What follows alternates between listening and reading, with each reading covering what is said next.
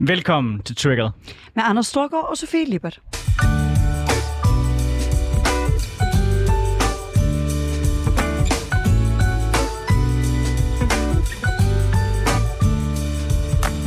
Så er vi tilbage i programmet, hvor vi vender ugens vigtigste politiske historier med gæster, der har skarpe holdninger, store visioner og markante meninger.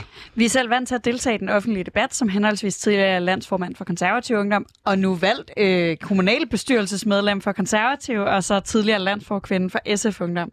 Så hvis du havde forventet neutrale værter, så er det det helt forkerte sted, som du er tunet ind. Og bare sådan lige for at cementere det i starten af hvert program, så spørger vi altid hinanden, hvad der trigger hinanden, altså hvad der har fyldt noget, og som virkelig har fået vores blod til at koge. Og derfor så vil jeg bare spørge dig, Sofie, hvad trigger dig? Jamen, det gør greenwashing. God gammeldags greenwashing fra store, øh, gerne multinationale, eller i hvert fald kæmpe store nationale virksomheder, der er rigtig gode til at frame det som om, at de faktisk går forrest i klimakampen, mens de på ingen måde øh, bidrager til et grønnere samfund. Eller i hvert fald gør det i så ringe grad, at det er svært at blive særlig imponeret. Øh, det seneste tilfælde er Arla, som øh, har øh, reklameret rigtig meget med deres såkaldt CO2-neutrale mælkeprodukter. Øh, og enhver, der ved noget om øh, landbrug ved, at øh, en ting er, at vi kan nok diskutere, om det er umuligt, men det er i hvert fald ikke muligt med den teknologi, vi har i dag, at lave noget, der bare minder om et CO2-neutralt mælkeprodukt.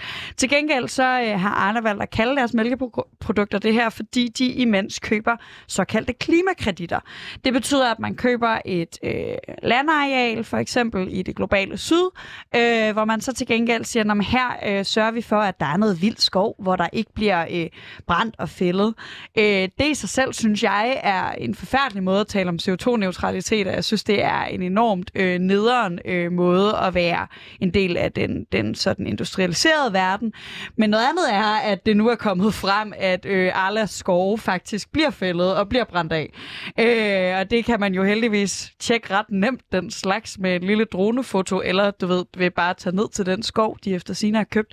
Så det korte og lange er, at øh, Arla laver masser af falsk markedsføring for, at deres produkter er grønne, mens de i virkeligheden er nøjagtigt lige så sorte, som en liter mælk altid har været.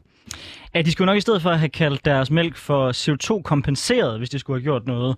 Øhm, altså, jeg tror, der hvor jeg står i den her, i den her dis- diskussion, jeg synes, det er et problem, man prøver at markedsføre ting på en forkert måde. Jeg synes også, det er et problem, at øh, Arla ikke vælger at sætte skub på netop at gøre deres produkt grønnere, og i stedet for ligesom vælger den hurtige vej, som bare er at øh, klimakompensere. Men omvendt, grund til, at jeg sådan trækker lidt på den, det er jo også fordi, jeg jo grundlæggende synes, det er jo bedre end ikke at gøre noget, at de rent faktisk så begynder at sikre, at der er mere urørt skov, hvis det rent faktisk var det, de gjorde. Og når det så viser sig, at det heller ikke var det, de reelt gjorde, så begynder det efterhånden at blive en meget, meget, meget tynd kop te, som der virkelig er blevet brygget rigtig, rigtig, rigtig meget på. Og for mig at se, at det der problemet ligger. Man skal også passe på, synes jeg, med at tale om greenwashing, bare fordi, at virksomheder så prøver at, at, at hjælpe på den måde, de føler, de kan, nemlig ved at sikre mere urørt skov, for det er jo også en del af løsningen.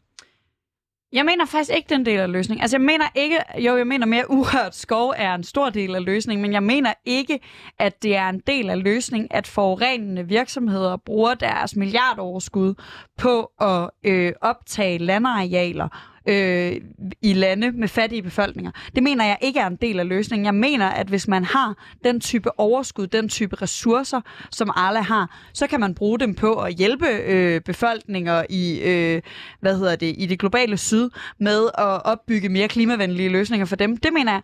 Men jeg mener ikke, det her med at købe areal i det globale syd er en, øh, er en rigtig måde at være en stor, stinkende rig ja. virksomhed. Ja, og, og der er vi simpelthen bare ikke enige, fordi hvis man eksempelvis ser på Amazonas som et eksempel, så vil alternativet i mange tilfælde være, at man fælder endnu mere af Amazonas. Hvis man som virksomhed kan gå ind og komme med nogle penge og sikre, at du fx betaler for, at folk ikke fælder skovene, men du i stedet for har nogle skovarealer, som bliver friholdt, det er for mig at se positivt. Ja, så kan man godt tale om, at der er bedre måder at sikre, at landene får opbygget en kapacitet, men faktum er, at så længe der er så stor ulighed, og der er så stor forskel på, hvordan man økonomisk har muligheder, så vil du se, at der er økonomisk interesse i at fælde skovarealer, og det er negativt i forhold til at opnå vores klimamål. Og derfor synes jeg, at hvis virksomhederne skal bruge penge på et eller andet, så vil jeg da hellere have, at de bruger pengene på at sikre, at der er flere af de skove, der forbliver urørt, inden for eksempel bare sendt ud til deres aktionærer. Så, så det, det er vi ikke enige i, Sofie. Nej, det tror jeg heller ikke. Jeg tror, vi er meget uenige i, hvordan man skal føre, føre øh, klimapolitik i det globale syd. Jeg synes, det er et kæmpe problem, at vi har den her idé om, at vi som øh, rige nationer bare kan komme og købe areal, som, som nogle andre ejede. Jeg synes, det er sindssygt vigtigt, at vi er det bedre, arbejder... de det?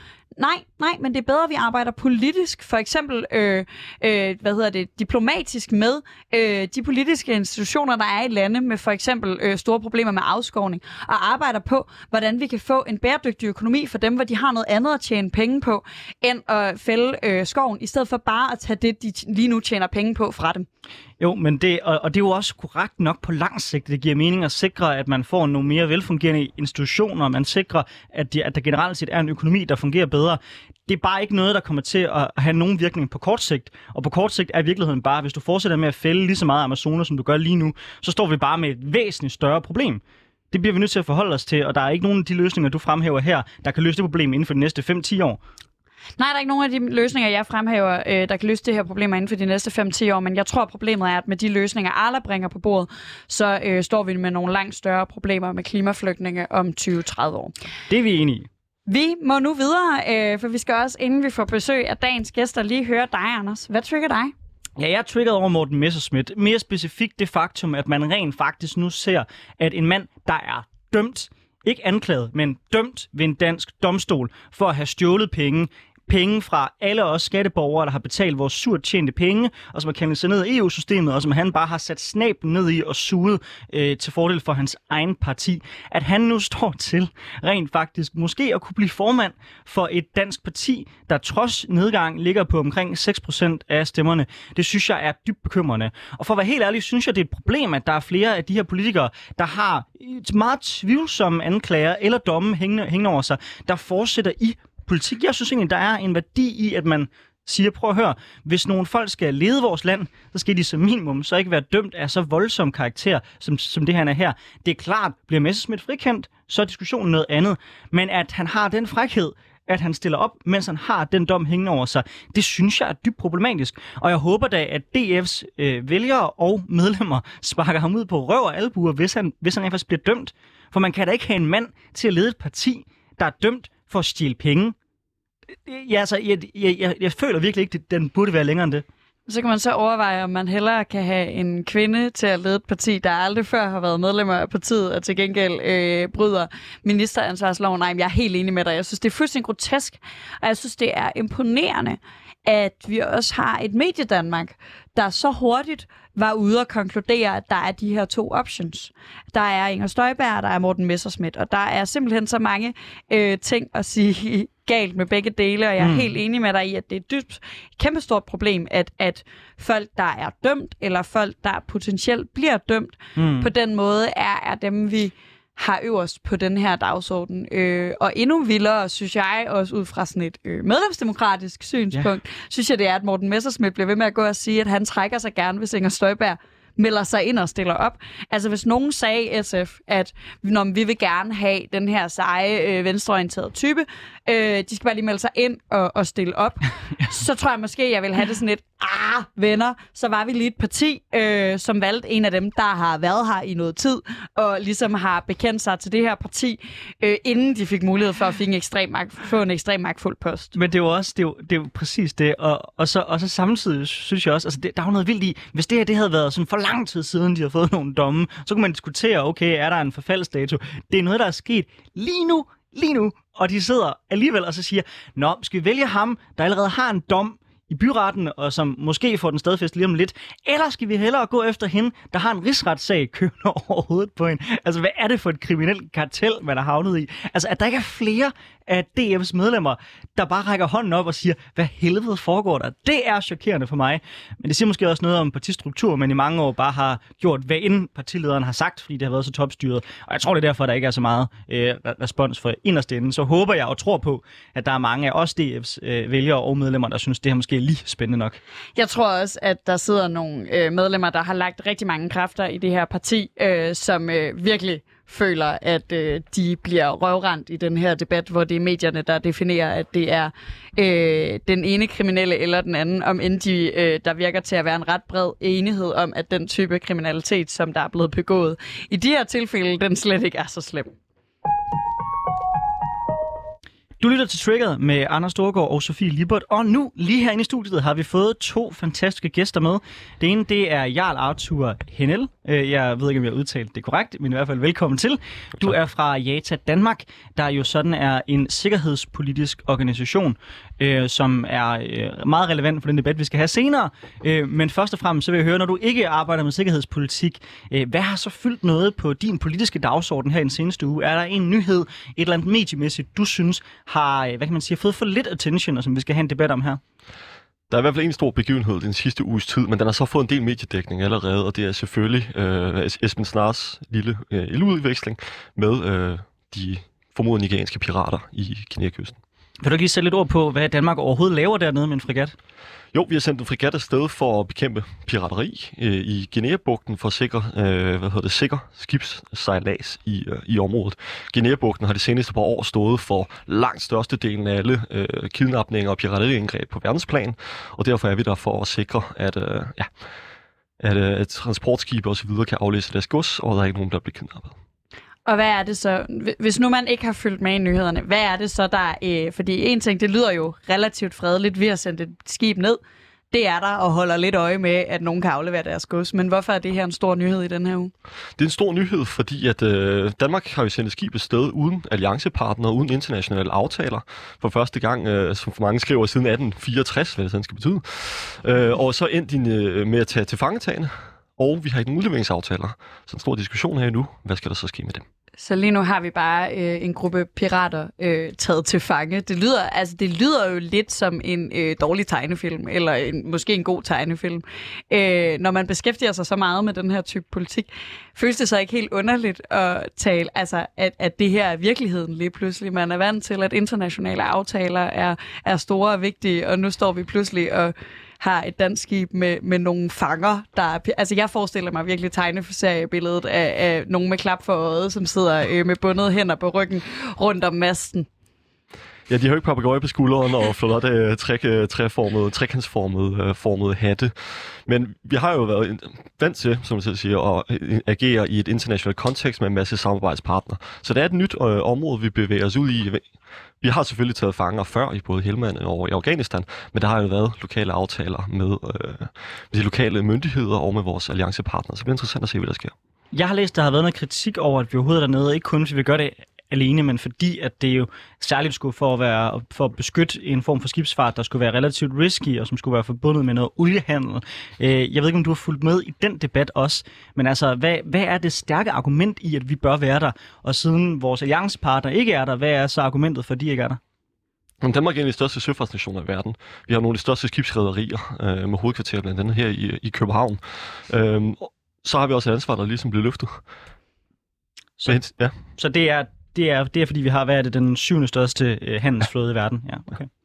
Vi har også fået en anden gæst i studiet. Det er dig, Mads Hvidbjerg Christensen. Du er medlem af Danmarks Socialdemokratiske Ungdom, øh, og det vrøvler jeg altid helt vildt, når jeg skal sige. Øh, du sidder i forretningsudvalget, og, øh, og øh, jeg kunne godt tænke mig øh, i virkeligheden lige til at starte med, øh, inden vi hører, hvad der har fyldt for dig den seneste uge, og høre, hvad du tænker om hele øh, piratmisæren. Det er jo tit sådan, at når man står i sådan en radiostudie og socialdemokrat, så kan man blive taget til indtægt for hvad som helst ens regering har gjort. Det har jeg ikke tænkt ja. mig overhovedet at gøre. Øh, jeg vil meget hellere høre sådan dine umiddelbare tanker om øh, hele... Ja, pirat til fangetagelsen? Jo, altså jeg synes, at øh, det er øh, glimrende, at Danmark medvirker til rundt omkring i verden at sikre den fri sejlads. Altså den fri sejlads og fri handel er jo sådan en af grundstenene i den internationale retsorden. Og hvis først det er troet, og vi ikke slår fra os, når den er troet, øh, så er det jo nogle ret sådan vigtige grundsten, som øh, står for fald, og det kan vi jo ikke tillade. Så, øh, så med, måske med den undtagelse af det billede, jeg har inde i hovedet, så synes du egentlig faktisk, at det er det rigtige øh, Danmark har... har I hvert fald det er rigtigt, at det, det er rigtigt øh, set af, af regeringen og Folketinget, at, man har, at Danmark bidrager til at holde de her øh, øh, dele af det internationale farvand åbent og holde øh, den fri sejlads i hævd. Ellers så øh, er der jo mange andre principper i den internationale retsorden, som pludselig også kan være troet, hvis, øh, hvis vi tillader den her troet. Okay. Hvad så udover? Hvis nu vi ser ud over piratskibe og ser ud over øh, den debat, vi skal have om lidt, hvad fylder så på din politiske retter for tiden? Hvad er det, der... Øh Jeg kan næsten forestille mig, at der stadig er lidt efter ved et kommunalvalg. Ja, jeg synes, at altså, den sidste uge har jeg brugt, uh, brugt meget tid på, på kommunalvalget og regionsrådsvalget, og efterdønningerne er det stadigvæk. Jo, tillykke med valget, Anders. Og Tak skal du have. jeg, jeg, jeg tror, at øh, når man er socialdemokrat, så er der jo både nogle ting, øh, altså der er i hvert fald øh, nogle ting ved det her valgresultat, som jo maner til en eller anden form for selvrensagelse. Der er nogle steder i landet, det er gået rigtig godt. I Holbæk for eksempel, hvor vi er gået markant frem. I øh, Halsnæs Kommune, hvor Socialdemokratiet også har sikret et absolut flertal i byrådet. Men der er jo altså også steder, primært i de store byer, hvor det ikke ser så godt ud for Socialdemokratiet efter det her valg, som det gjorde efter det, det seneste valg. Og det tror jeg, at vi er mange socialdemokrater, der ligesom bryder vores hoved med i de her dage om, hvad, hvad det kan skyldes. Ja, nu vil jeg jo så ikke sige, hvad Frederik Vad sagde, da han var herinde, men jeg vil i stedet for bare spørge dig, øh, hvad er din analyse af, hvorfor det er gået, som, som det er gået? Mm, Hvorfor har I tabt byerne? Jeg tror, at der har, altså jeg tror helt klart, at der er noget, der handler om øh, mink og sms'er, og at den debat har fyldt sindssygt meget i pressen. Det tror jeg ikke kan undgås, at, øh, at det smitter af. Øh, så det, det tror jeg faktisk er det, der har taget, taget toppen af det, og det tror jeg, at hvis man havde håbet på fremgang, så er det nok noget af det, der har, har gjort, at vi ikke har fået fremgang så mange steder i, i, i partiet. Øh, så tror jeg i de store byer, at øh, måske særligt i København, at det også handler om, at Socialdemokratiet ikke helt har evnet, i hvert fald i den lokale kampagne her i København, at løfte nogle af, af de dagsordner, som er centrale for almindelige mennesker, der bor i København. Altså det kommer meget til at handle om fri has og de steder, hvor enhedslisten ikke vil bygge, bygge billige boliger. Og det har handlet alt for lidt om de klassiske velfærdsområder, hvor at Socialdemokratiet står stærkt, og hvor det er Socialdemokratiet, der kan levere løsningerne. Ældrepleje, folkeskole, børnehaver, vuggestuer og alle de der helt centrale dagsordner. Jeg har en sidste ting, øh, som jeg også i hvert fald vil analysere mig frem til øh, Socialdemokratiet. Sygeplejekonflikten.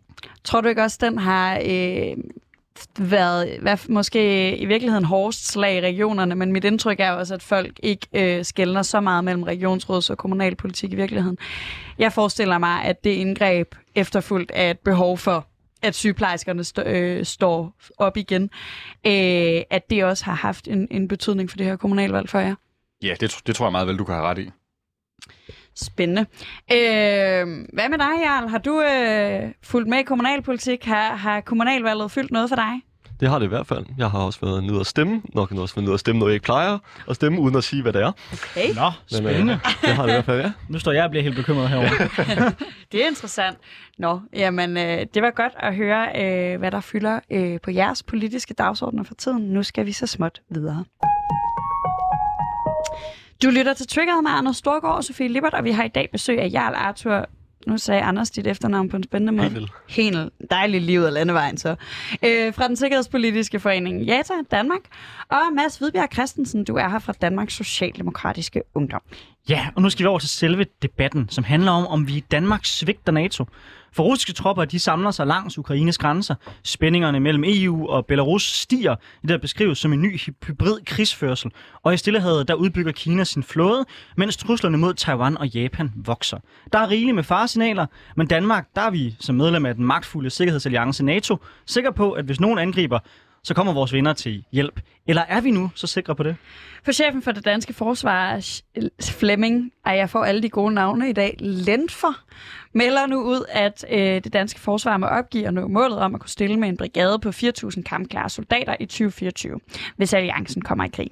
Det havde Danmark ellers lovet NATO efter forsvarsforledet i 2018. Her tilførte man 4,8 ekstra milliarder til forsvaret efter mange års nedskæringer men nåede ikke op på de krævede 2% af BNP på militær, som man som medlem af NATO forventes at bruge.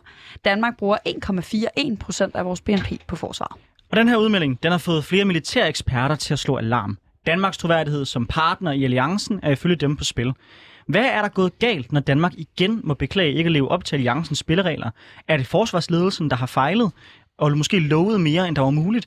Eller er det politikerne, som har svigtet forsvaret? Eller er det i virkeligheden på tide, at vi får en debat om, hvorvidt oprustning og flere tanks og bomber er vejen til en mere fredelig verden? Vi tager debatten lige nu her i Triggered. Mads Christensen fra DSU. Senere skal vi diskutere, om der skal tilføres flere penge til forsvaret. Men allerførst, der vil jeg bare gerne spørge dig. Hvad mener du er gået galt, siden vi havnede i den her situation, hvor vi har lovet mere til vores allierede, end vi egentlig har kunne holde? Og hvad der konkret er gået, gået galt i forhold til den øh, konkrete brigade, som ikke kan stilles til tiden, det, det tør jeg ikke at, at, at sige så meget om. Det er simpelthen ikke nok inde i øh, situationen omkring den brigade til at kunne, kunne sige noget om. Men jeg- altså, jeg synes, det grundlæggende det er bekymrende, og jeg synes, at øh, den kritik, som der bliver rettet imod Danmark, er, er da ret alvorlig. Og øh, hvis vi står i en situation, hvor at der måske ikke lige nu, men i fremtiden kan være øh, sås tvivl om, hvorvidt at øh, NATO også vil forsvare Danmark, hvis det bliver nødvendigt, så bliver vi nødt til at tage det meget alvorligt og også øhm, og så bruge, de, bruge flere penge på forsvaret i, i fremtiden, og det kan jeg så forstå, vi vender tilbage til senere. Mm. Altså, jeg beder dig ikke om at gå ind i den specifikke Nej. baggrund for, for, for brigaden. Det er mere sådan overordnet set, hvad sker der i det danske forsvar? Altså, øh, er det et ledelseslag? Der har jo i mange år været kamp mellem, mellem forsvarsledelsen og ministeriet i forhold til, hvor ligger magten henne. Og der har mange gange også været øh, sådan udmeldinger fra begge sider om, at det er den ene eller, eller, den, eller, eller, eller den anden skyld. Altså, er det her bare et pengeproblem? Eller er det i virkeligheden noget grundlæggende i vores struktur, den måde danske forsvar fungerer, der gør, at vi gang på gang fejler? Hmm. Altså, jeg, jeg tror, at når det handler om de her øh, konkrete enheder, hvor at, det, at vi har lavet aftaler om at opruste og for eksempel lave den brigade her i, øh, i Baltikum, så tror jeg, at det handler om, at øh, så tror jeg, jeg tror, at det primært det handler om, om midler, og at øh, der ikke er øh, øh, sat, sat penge nok af til det. Det må vi jo se på. Jarl, jeg vil også gerne høre øh, dit take. Hvad er der gået galt? Hvorfor, hvorfor vi havnet i den her situation, hvor vi ja, igen må lidt beklage over for vores allierede, at vi ikke helt har kunne, øh, kunne aflevere vores lektier til tiden? den længere udvikling, der har stået på under Bush og Obama, der deltog vi jo i Irak, vi deltog i Afghanistan. Vi meldte os frivilligt til nogle af de mest øh, ja, hårde kampområder, der overhovedet var i de konfliktzoner. Når vi betalte med blod, det var billigere end at betale med penge, så det kunne man slippe, ved, øh, slippe væk med i, i mange, mange år. Da Trump så kom til, så flyttede hele det amerikanske udenrigspolitiske fokus sig til Sydøstasien, til Stillehavet, til Kina. Det gør, at Europa i højere grad skal stå for sin egen sikkerhed. Så kommer der jo flere krav på, og det betyder, at det ikke længere er tilstrækkeligt, at man betaler ved deltagelse i internationale operationer. Nu skal man også løfte det ansvar, som man har forpligtet sig til. Og det er altså en kurs, som blev fortsat under præsident øh, Biden, som vi jo har nu. Og det tyder på, at det er et ny, øh, nyt skifte i amerikansk udenrigspolitik. Så det er derfor, det kommer til at øh, potentielt kan ramme os rigtig, rigtig hårdt øh, over tiden. Hvis udviklingen fortsætter, og vi ikke stiller og lever op til vores forpligtelser, jamen så, som de skriver i artiklen, du er i Berlingske, jamen så kan de øh, komme og rasme sig. Men hvorfor? Altså det, jeg, jeg ved godt, det er et svært spørgsmål, også for begge to at kunne svare på, når man ikke er inde i de interne ting i forsvaret. Men forsvaret siger jo, at årsagen til, at de ikke kan levere det, det er en blanding af corona, og så er det, at politikerne øh, de først er kommet med nogle penge, sådan lidt ala hockeystavsmetoden, hvor man først kommer med det i den aller, aller afslutning, og derfor har man simpelthen ikke tid til nu at købe de ting ind, der skal til øh, til det kan man jo stille spørgsmålet, burde forsvaret så ikke du ved, have vidst det, øh, da man ligesom lavede det for lige og gjort opmærksom på det? Altså, jeg, jeg ved godt, det er svært for jer at forholde jer til, mm. men er det her et politisk ansvar, der er fejlet, eller er det forsvarsledelsen, der er inkompetent? Hønne, eller ikke? øhm, man kan sige, at der er ikke blevet tilføjet nok midler. Øhm, der mangler jo udstyr i øjeblikket, eller en stor ammunitionskrise i, i forsvaret. Der er mange vandpligtige, der render rundt i skoven og siger bang, bang, bang, i stedet for at have noget at skyde med. Øh, der vi kan ikke stille med den, øh, den tunge brigade, vi kan stille med en mellemtung brigade. Øh, så der mangler infanterikampkøretøjer, der mangler kampforne, der mangler overvågnings, øh, rekognosceringsudstyr, command and control kapaciteter. Der mangler ambulancer, der er nogle pengetilførsler, der mangler. Øh, og mange af de ting, der bliver indkøbt, de kommer jo lige øh, i sidste øjeblik, og man tager ofte også det billigste, der er. Når det så er sagt, så har forsvaret også udviklet sig og blevet moderniseret her de sidste par år. Der er blevet kommet en stor opgradering af øh, Leopard-kampvognene. Der er tilgået F-35-fly, der langsomt skal udfase de gamle øh, F-16'er. Der er kommet nye panserværnsraketter. Øh, raketter. der er en masse udstyr, der er blevet enten udskiftet eller opgraderet, afhængig af, hvordan man ser på det. Så det er en udvikling, der ligesom står på, men der mangler, øh, som jeg ser det, øh, midler til, at man kan indkøbe alt det udstyr, der nu mangler. Men det synes jeg er enormt interessant. Jeg indrømmer blankt, at jeg sidder sjældent og kigger i forsvarets budgetter, øh, hvis, hvis, jeg kunne, øh, hvis jeg kunne slippe for overhovedet at tage stilling til, at der eksisterer et forsvar, øh, og helst bare sørge for, at der ikke nødvendigvis gjorde. øh, men det ved jeg godt, det, det er for radikalt et standpunkt at tage den her debat, for så er det det eneste, vi kommer til at tage. øh, så, øh, så husker jeg meget tydeligt, og det er jo klart, når der er noget, man er skeptisk overfor, så husker man alle møgssagerne. Jeg husker sindssygt tydeligt de sager, der har været omkring øh, total random brug af midler fra forsvarets side øh, i december, øh, som, jeg, som er sket år efter år, fordi man får et budget til indkøb af materiel. Øh, hvis man ikke man bruger det budget helt op, så får man færre penge næste år. Sådan er det for det meste med alt, hvad der er budgetstyret. Hvis man viser, at man kan drive øh, foreningen, virksomheden, whatever, billigere, så får man færre penge til at drive den næste år.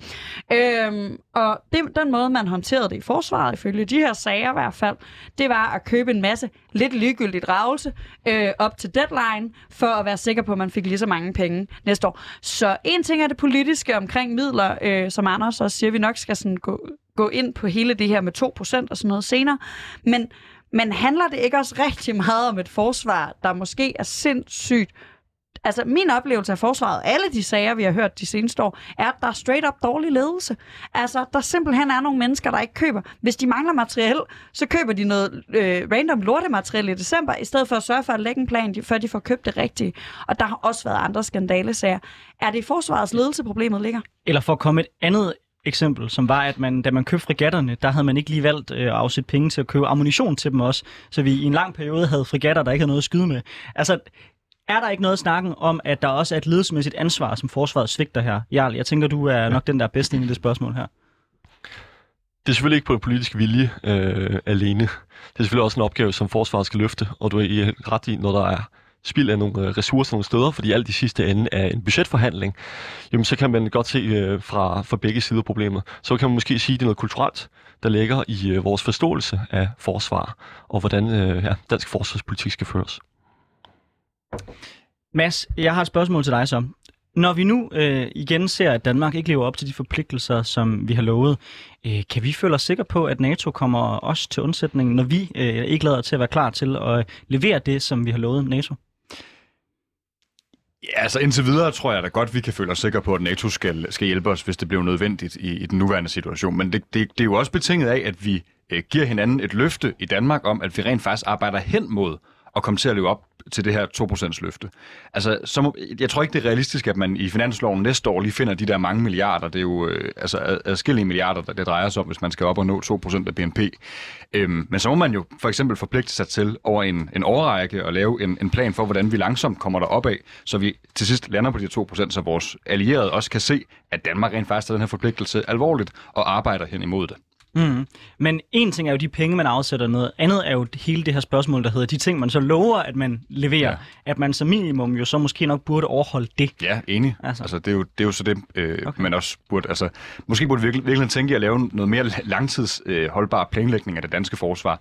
Altså, det kan jo ikke passe, øh, som du selv siger, Sofie, at at, at, at forsvaret skal ramme sig, at man for eksempel driver noget mere effektivt et år, og så bliver man straffet på pengepunkt. Altså, så kunne det være, at man i stedet for at skulle se på at lave en mere langtidsholdbar øh, planlægning, hvor man så kan købe øh, det ind, der skal købes ind, og arbejde hen mod de her 2%.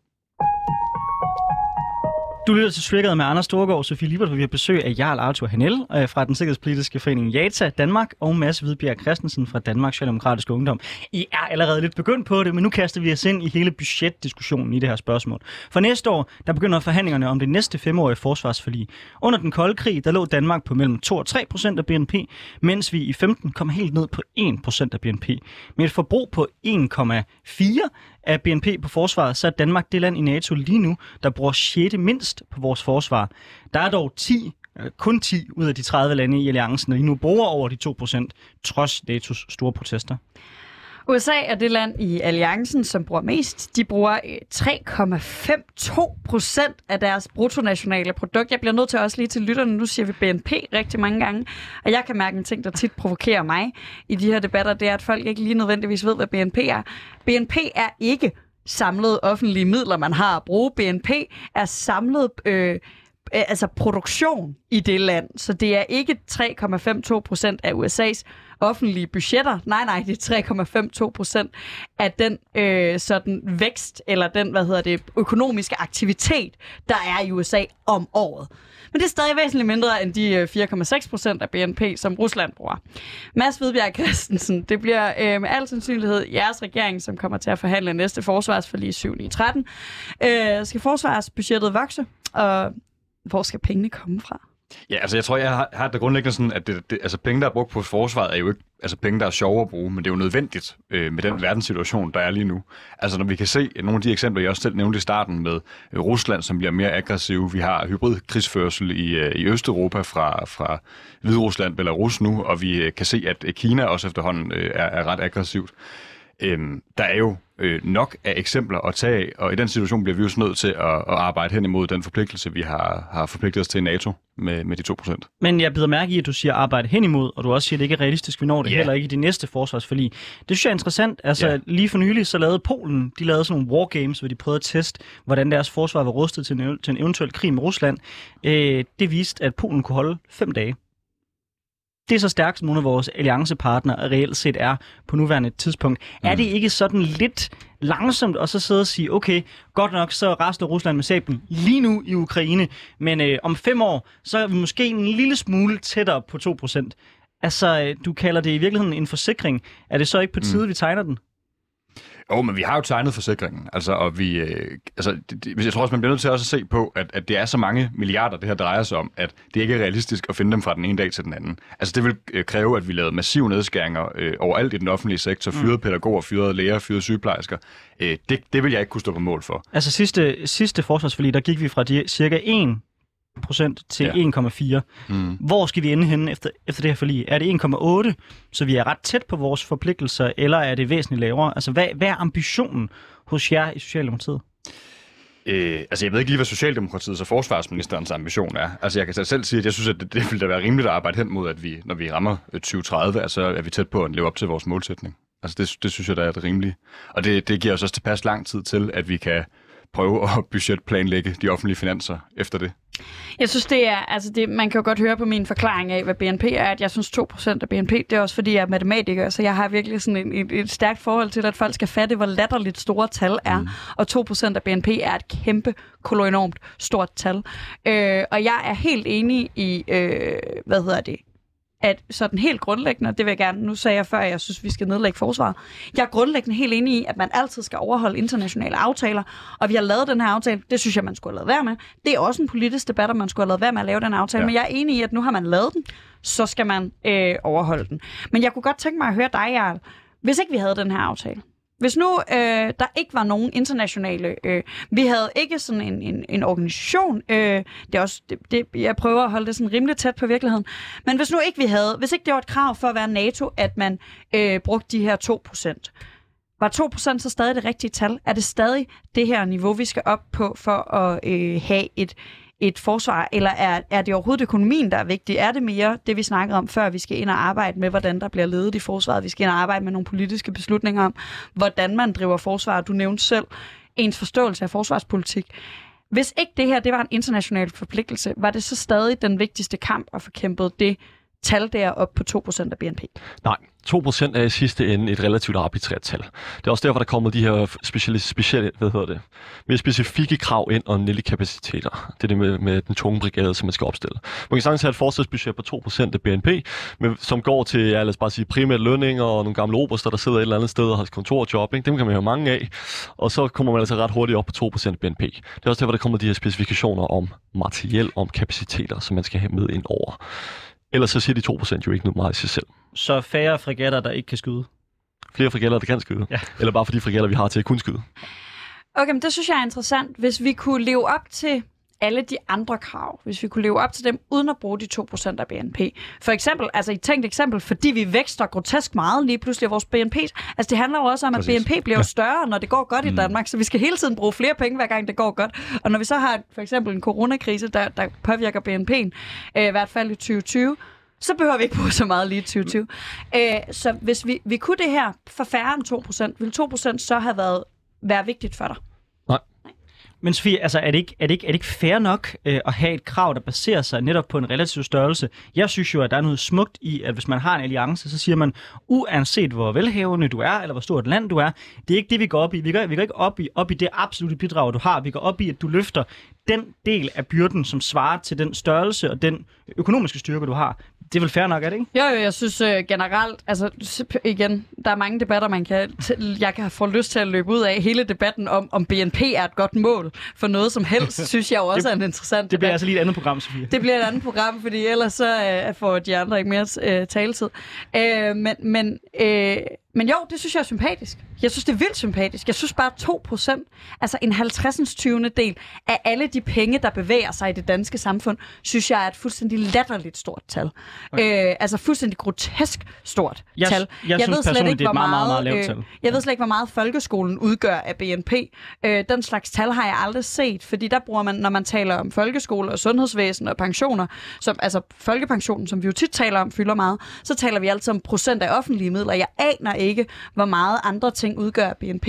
Og derfor synes jeg, at 2%, altså at en 50. 20. Mm. del af al bevægelse i samfundet, det skal være på forsvaret. Det synes jeg er rigtig højt. Men Sofie, synes du også, den er det, altså, når du hører, at der er fregatter, der ikke kan skyde, og når der er ammunitionskrise i forsvaret, når der er mangel på helt øh, basal materiel, synes du så også, at det er voldsomt meget, at vi bruger 1,4 procent i dag, for eksempel? Altså nu kan jeg forstå, at du går ind for at nedlægge øh, øh hele lortet, øh, og på den måde så, så er... Men jeg går også ind for at overholde internationale aftaler, ja. heldigvis. Øhm, ja, det synes jeg. Øh, men jeg tror, det er meget i tråd med det, Jarl var inde på før i virkeligheden, at det er fordi, det kan godt være, at jeg hører de her historier om frigatter, der ikke kan skyde, og jeg hører mangel på materiel. Men jeg hører lige så mange historier om dårlig lederskab i forsvaret. Og hvis der er noget, der kan ryge, altså netop øh, gamle oberster, der sidder på kontor og laver et eller andet øh, ligegyldigt papirarbejde, eller øh, hvad hedder det, øh, de der materielindkøb, eller nogle af de store ledelseskriser. Fordi dårlig, ledelse, dårlig økonomisk ledelse hænger jo tit sammen med dårlig ledelse af andre ting, og vi har jo hørt om nogle ret grælde sager omkring, hvordan der bliver ledet i forsvaret, hvordan, øh, hvad hedder det. Så jeg tror, Men Sofie, for mig at altså... se, er, er, er det et stort tal, uagtet hvad vi bruger pengene på det er jo også en velkendt ting i, lad os sige, vores sundhedsvæsen, at man køber rigtig meget ind i slutningen af året, fordi man gerne vil bruge mm. det budget, man har. Der har også været store øh, skandaler og sager, hvor folk de har brugt deres penge dårligt. Jeg antager, at hvis jeg stod i en debat, og jeg brugte som eksempel, at vi skulle skære øh, gevaldigt i vores sundhedsvæsen, eller at der ikke var behov for flere midler, og så pegede på eksempler af nogle folk, der lavede nogle dårlige indkøb, så tror jeg, at du vil angribe mig for at bruge en meget form for selektiv argumentation. Så hvorfor er det lige, når det kommer til forsvaret, at det er noget andet? Øh, jamen det tror jeg, det er, fordi jeg grundlæggende ser øh, sundhedsvæsenet som værende øh, noget, der øh, hvad hedder det, øh, gavner os alle sammen som borgere, og forsvaret som i virkeligheden, altså jeg, jeg tror også, det, når, når det kommer fra mig, og alle ved, at jeg er radikalt venstreorienteret og, og mener nogle vilde ting om de her ting, så lyder det voldsomt, men jeg mener faktisk, det er meget i tråd med, med hvad hedder det, øh, med nogle af de ting, jeg siger. Altså, at jeg, jeg føler, at forsvaret, øh, når vi taler om de her sager, at meget af det handler om at Øh, altså at forsvaret lidt på en måde er et nødvendigt onde at have. Altså, vi har brug for et forsvar. Det kan også være, det var dig, der nævnte det, med i starten. Det er jo ikke, fordi der er nogen, der ønsker sig, eller jo, det er der. Der er nogen, der ønsker sig et stort forsvar, der kan gå ud og føre en masse krig. Men de fleste af os i Danmark, fordi vi trods alt er sådan relativt konsensusbaseret, hvad gælder det her, går meget op i, at vi har et forsvar, fordi selvfølgelig skal man have det. Fordi selvfølgelig skal vi have øh, et, et mulighed for at forsvare os selv, og forsvare vores nærmeste alliancepartnere, og sikre fred i Europa, og så videre, og helst i hele verden, så alle bliver glade. Øh, men, men forsvaret er for mig et nødvendigt onde, hvor sundhedsvæsenet er en fuldstændig afgørende øh, øh, sådan grundsten i det samfund, jeg ønsker at bygge op. Og derfor ser jeg det meget forskelligt i forhold til, og, hvad, hvad der øh, hvordan vi taler om, om, om de problemer, der er. Og så er mit indtryk også, at ledelsen i sundhedsvæsenet er betydeligt mere politisk styret, end ledelsen i forsvaret er. Jeg ser det også som et nødvendigt onde, vi har i sundhedsvæsenet. Altså, øh, hvis der ikke var folk, der var, der var syge, så ville det være fantastisk øh, ikke at skulle bruge penge på sundhedsvæsenet. Men folk bliver ved med at blive syge, og der bliver ved med at være diktatorer rundt omkring i verden, der tror, at løsningen på problemer det er at komme og true folk med tanks. Og der vil jeg gerne have, at vi også har mulighed for at kunne svare tilbage på det. Men Jarl, jeg kunne godt tænke mig at skyde bolden over til dig, og så høre dig, hvad er vores kapaciteter på nuværende tidspunkt? Lad os sige, der opstod en en krig. For eksempel Polen bliver angrebet. Hvad kan Danmark så overhovedet stille med? Altså, hvad har vi kapaciteter til lige nu? Det er et godt spørgsmål. Kan vi stille med et bidrag, som vi gjorde i Afghanistan øh, tilbage i perioden fra 2000, lad os sige, 4, 5 og frem? Men det var været, det var været 500 soldater ved sådan et sted. 560 soldater, mener jeg, på højeste ja. plan. Øh, kan vi gøre det i dag? Det er jeg i tvivl om. Så øh, det er ikke meget hjælp, Polen skal regne med, hvis vi ikke engang er sikre på, at vi kan stille med 500 side, så kan det godt blive lidt svært. Ja. Og med hvilken logistik skal vores kampvogn transporteres derhen? Med hvilken, med hvilken logistik skal vores soldater fragtes? Og alle de øh, kapaciteter, man nu end skal stille øh, ved en frontlinje. Det kan jo være svært. Der er man også afhængig af, af de andre NATO-stater og der, der, deres bidrag. Øhm, og der er jo også mange af dem, der halter. Som jeg selv sagde, det var ikke langt fra størstedelen, der overholder deres krav, både hvad angår penge og hvad angår kapaciteter. Så det kan blive en kæmpe stor udfordring, om vi overhovedet kan nå der ned. Polen, som jeg brugte som eksempel, øh, de har en her på, øh, jeg mener, det er cirka 150.000, nu tæller alt personel med, øh, og har til sinde nu at fordoble det efter deres Wargames, som viste, at de kun kunne holde fem dage. Mads, synes du, det er rimeligt over for alliancepartnere, at vi så kan stille med på en god dag 500 mand? Ja, nu skal vi jo igen huske det relative i det her. Ikke? Altså, at der, der, når man er et lille land som Danmark, så skal vi selvfølgelig ikke stille med lige så mange mænd, øh, som, som Polen skal, eller som USA skal. Men jeg synes, det her belyser jo rigtig godt, hvorfor det netop er vigtigt, at vi har NATO. At øh, Polen jo netop ikke, i et tilfælde af, at Rusland angriber, jo netop ikke står alene. At så kan Polen regne med, at Danmark og Frankrig og USA og resten af NATO hjælper i den, øh, den kamp. Men Polen er lidt i samme situation, som Danmark er, øh, og det er jo først derfor, det er interessant, fordi Polens wargame stod udgangspunkt i, at man skulle holde minimum en måned, mm. fordi det er det, man vurderede, der skulle til, for at resten af NATO kunne ligesom komme afsted og beskytte Polen. Og det interessante okay. er jo, at hvis lande som Polen og Danmark kun kan holde, lad os sige, fem dage, så kan alliancepartnerne jo ikke nå at mobilisere og sende soldater der afsted. Det var derfor, man under den kolde krig, så havde man en politik i Danmark om, at vi skulle kunne holde, jeg mener også, det var cirka en måned selv, øh, indtil der kunne komme for, for, stærkninger. Det er fordi, rent logistikmæssigt, så tager det jo tid, før de andre kan komme. Mm. Ja, men det er, jo, det er jo en udfordring, og man kan sige, jeg tror, at øh, selv hvis vi kommer op på 2% af BNP, eller 3% af BNP for den sags skyld, så, altså, så er det da svært at forestille sig, at Danmark skulle holde stand i mere end fem dage, hvis Rusland besluttede sig for at lave en fjendtlig invasion af Danmark. Øh, så der, der tror jeg sådan set næsten, at vi kunne investere nok så mange penge i forsvaret af Danmark. Det vil ikke være realistisk, at vi kunne holde stand alene mod Rusland. Du lytter til Triggeret med Anders Storgård og Sofie Lippert, øh, hvor vi har besøg af Jarl Arthur Henel fra den Sikkerheds Sikkerhedspolitiske Forening JATA Danmark, og Mads Hvidbjerg Christensen fra Danmarks Socialdemokratiske Ungdom. Indtil nu der har vi diskuteret Danmarks langsigtede forsvarspolitik, men hvad nu hvis vi slet ikke har så lang tid? Jeg har taget et citat med til jer fra Berlinskes leder fra i går. Vi kan stå over for en blodig krig midt i Europa i januar og februar. Det er ikke et scenarie, der er hentet fra de mest højeagtige amerikanske tænketanke, men en analyse, der baserer sig på en række uhyggelige satellitbilleder. Den russiske militære opbygning ved grænserne til Østukraine er massiv. Rusland har opbygget så meget militært isenkram i området, lige uden for Østukraine, at russiske styrker vil være i stand til at angribe Ukraine på flere fronter. Helt konkret, så er det 92.000 russiske hærsoldater og godt 22.000 luft- og søstyrker, der er ved at forsamle sig nord, øst og syd for Ukraine. Altså, mit spørgsmål til dig, Jarl, det er, hvis Rusland angriber Ukraine, bør Danmark og NATO så støtte dem? Og er vi overhovedet i stand til at øh, hjælpe Ukraine på nuværende tidspunkt? Nej, jeg tror, at russerne, hvis de vil, og hvis de ønsker, så når det Kiev, inden vi står op til morgenmad. Det er jo øh, et dejligt øh, skræmmende scenarie. Øh, jeg hæftede mig meget ved, at du i starten, øh, da du beskrev, hvad det er, der sker, hvad det er, der går galt, øh, lagde meget vægt på USA's øh, hvad hedder det, øh, udenrigspolitik, sikkerhedspolitik, hvordan, hvor de øh, retter deres fokus hen, og de har rettet fokus væk fra Europa. Er vores største frygt i den her sammenhæng i virkeligheden, at en ting er, om, om vi er klar til at hjælpe, men at USA ikke har tænkt sig at komme og være med? Det er jo den store ting, der er fyldt, og den er fyldt lige siden NATO-pakten blev, blev indgået. Vil amerikanerne, hvis de virkelig brænder på, risikere en atomkrig og sejle over? Øh, og affyre selvfølgelig deres atommissiler rettet mod vores modstandere i tilfælde af, at paraplyen går op, som man siger. Det kan man håbe på, at de vil. En god start er selvfølgelig at overholde sine internationale forpligtelser over for dem. Stille de kapaciteter, som der er blevet aftalt. Betale det, der skal betales. Rigtig god start. Og ellers kan man krydse fingre. Hvis vi ikke er villige, og hvis vi ikke kan forsvare Ukraine, er det så ikke ret højt spil, det NATO kører pt., hvor NATO jo sender det signal, at man godt kunne se sig selv forsvare Ukraine, og dermed jo faktisk, i hvert fald ud fra et russisk perspektiv, øh, skaber en utryghed hos dem, som gør, at de kan risikere måske at slå ud. Altså, øh, det jeg prøver at allude til, det er, fører vi en politik lige nu, hvor vi overvurderer vores egne kapaciteter og undervurderer de russiske? Vores politik i Østområdet, det er i øjeblikket den tripwire-effekt, øh, man kører i Baltikumslandene, ikke i Ukraine.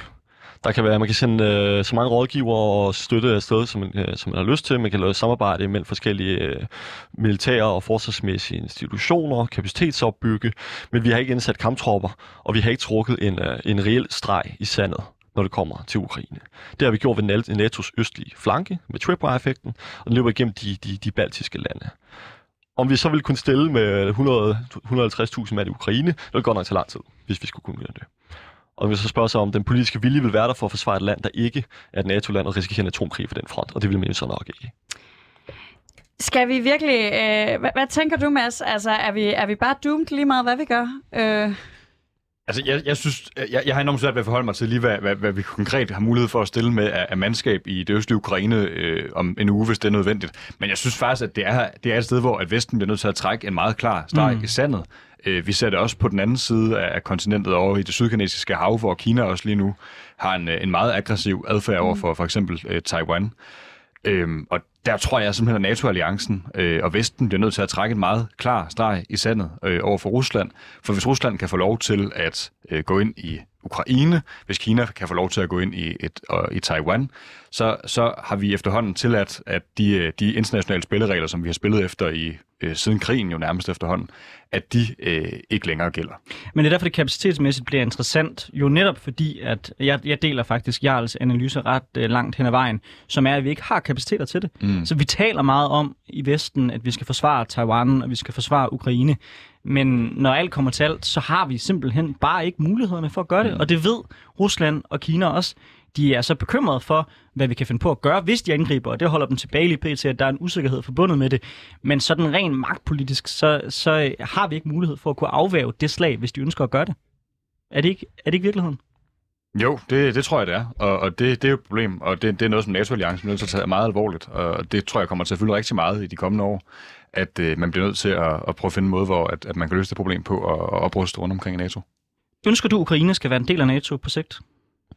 Hmm. Altså det, det har jeg svært ved at tage stilling til lige sådan, sådan nu, men, men altså jeg synes da ikke, at det er noget dårligt mål at få, få Ukraine knyttet tættere til Vesten og på knyttet tættere til EU, knyttet tættere til, øh, til NATO. Det synes jeg, der er en, en god målsætning at have. Samme spørgsmål til dig, Jan. Nej, jeg mener ikke, at Ukraine skal være medlem af NATO. Det skal være en øh, klub for, for de vestlige, dem der er blevet vestlige øh, sidenhen. Men man kan, endelig, man kan fortsætte den øh, endeløse integration af forskellige lande i, øh, i NATO-pakten, og det vil i sidste ende gøre det diffust. Hvis jeg var russerne og halvdelen af Centralasien blev medlem af NATO, så ville jeg nok tænke, jeg tror ikke på, at øh, hele Vesten vil forsøge at starte en, øh, en atomkrig over en eller anden stat i, øh, i Centralasien. Derfor vil jeg heller ikke have Øst-Ukraine ind som medlem af NATO. Det er jo meget interessant, fordi hvis vi ikke engang rigtig... Altså, fordi mit indtryk af NATO har netop været, at vi aldrig... Altså, vi er altid sådan lidt... Ja, ja, USA siger, de kommer, men, men, men gør de faktisk det? Hvis vi allerede har den her usikkerhed, hvad er så... Hvad er så værdien i det NATO? Er vi så ikke allerede der, hvor du beskriver, at vi ville være, hvis vi fik øh, det Jamen, hvis amerikanerne vil komme, og det siger de jo, de gerne vil, så skal vi også sørge for det, der vi har underskrevet, som hedder Host Nation Support, så gør de rent faktisk kan gå i land og bruge motorvejene og rent faktisk nå frem til, til frontlinjen. Der kan man se nogle store svigt i Europa. Hvis der er 100.000 amerikanere, der går i land i Esbjerg Havn, så er der altså der er godt nok langt ned. Ikke? Øh, tysk infrastruktur er fuldkommen forfalden og faldet fra hinanden. Øh, det er meget, meget svært at se, at hvis amerikanerne ønsker det, at de overhovedet kan komme igennem Europa med så store troppetal, uden at køre over sletterne, som, øh, som de gjorde i 1944. Jeg, jeg får sådan lyst til, kan vi bruge nogle af de der forsvarspenge på måske at renovere motorveje? øh, men jeg synes, det er... Ellers skal der være noget metro til Esbjerg, så de, kan- de kan Ja. komme frem, ikke? Der er metro fra Esbjerg til Jeg vil Østukraine. lige blive glad for min fødeby. øh, nej, men jeg kunne godt tænke mig i virkeligheden at vende lidt, altså blive lidt her i USA's rolle, fordi jeg synes, det, jeg synes, det er enormt interessant. Øh, Jeg kunne godt tænke mig at høre dig, Mads, fordi vi, I snakker alle sammen om Vesten, øh, øh, som denne her sådan fælles øh, gruppe af mennesker, eller ikke af mennesker, af lande, af nationer, der har et eller andet, en eller anden fælles interesse. Men eksisterer Vesten som, som fælles interesse stadig? Altså er, er der andet, der binder os sammen med USA sikkerhedspolitisk øh, end NATO-alliancen? Og er NATO-alliancen nok til at binde os sammen? Hmm. Altså, jeg, jeg, jeg tror faktisk, jeg, jeg synes, at, at, at Vesten efterhånden i, i de her år eksisterer mere, end Vesten har eksisteret nærmest siden den kolde krig, fordi det netop er nødvendigt nu, at Øh, de vestlige demokratier, de liberale demokratier, holder sammen i, i den situation, vi har internationalt lige nu, hvor vi både har et aggressivt Kina, et aggressivt Rusland øh, og, og flere store øh, konflikter rundt omkring i verden. I den situation er det jo netop vigtigt, at Vesten holder sammen og holder de værdier i hæv, som man har bygget det, øh, det, verdenssamfundet på siden 2. verdenskrig. Øh, så, så ja, det mener jeg i høj grad eksisterer. Jeg er egentlig meget interesseret i det, du sagde tidligere også, Jarl, med, at øh, du ikke mener, at vi er villige til at forsvare Ukraine, og derfor man udvander alliancen, hvis de bliver en del af det. Jeg er faktisk uenig med dig. Altså, jeg er villig til at forsvare Ukraine, og jeg mener også, at vi bør forsvare Ukraine militært, hvis det er nødvendigt. For mig at se, så den grundlæggende idé, der ligger i NATO, det er en alliance af demokratier. Os, der har fælles værdier, vi bliver nødt til at stå sammen og forsvare os.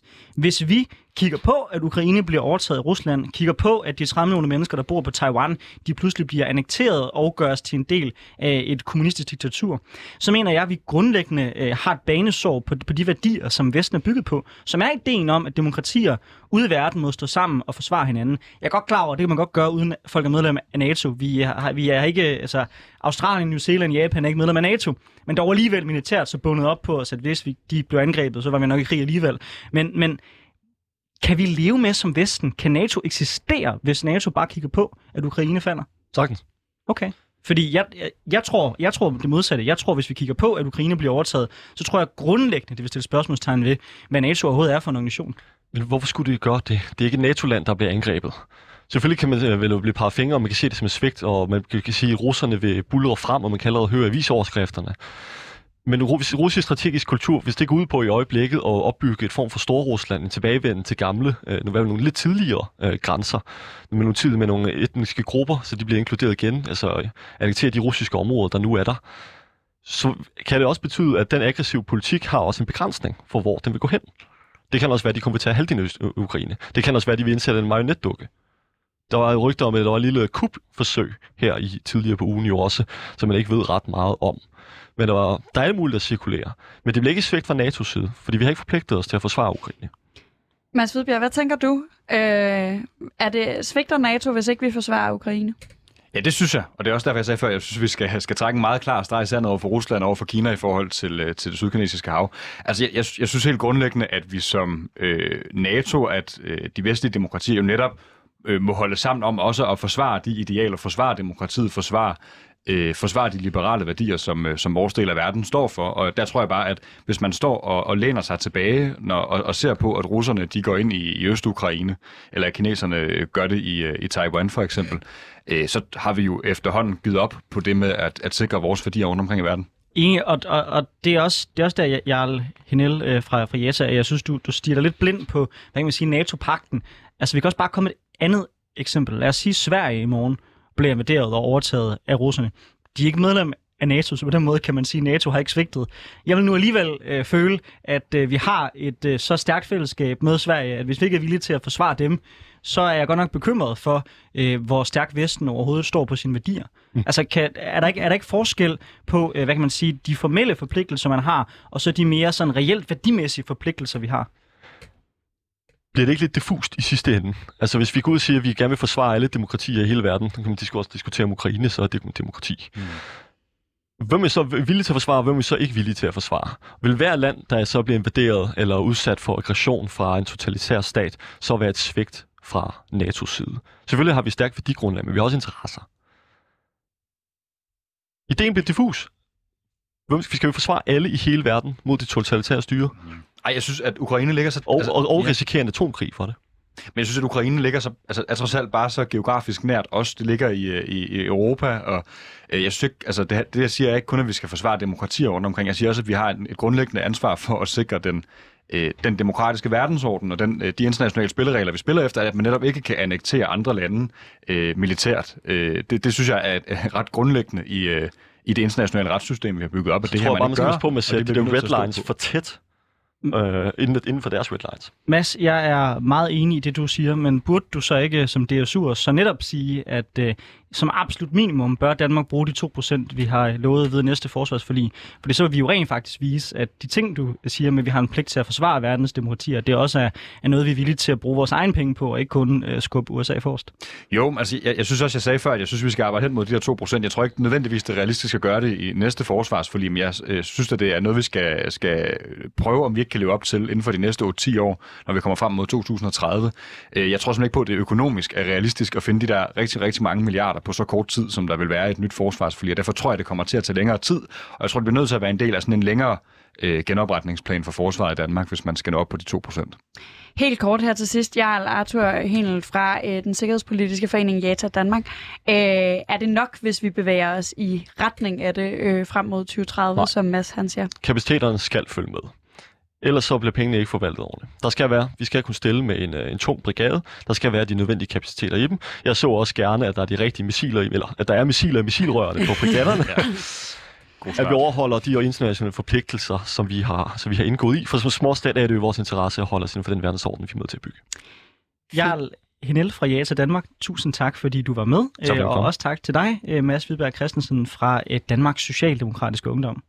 Hvis du har lyst til at lytte til mere politisk debat, så kan du altid finde samtlige afsnit af programmet Triggered på din foretrukne podcastplatform. Der kan du finde debatter om alt fra kommunalpolitik til store sikkerhedspolitiske emner, til hvordan klimaaktivister skal øh, placere sig øh, oven på en COP26, der ærligt talt var en kæmpe skuffelse.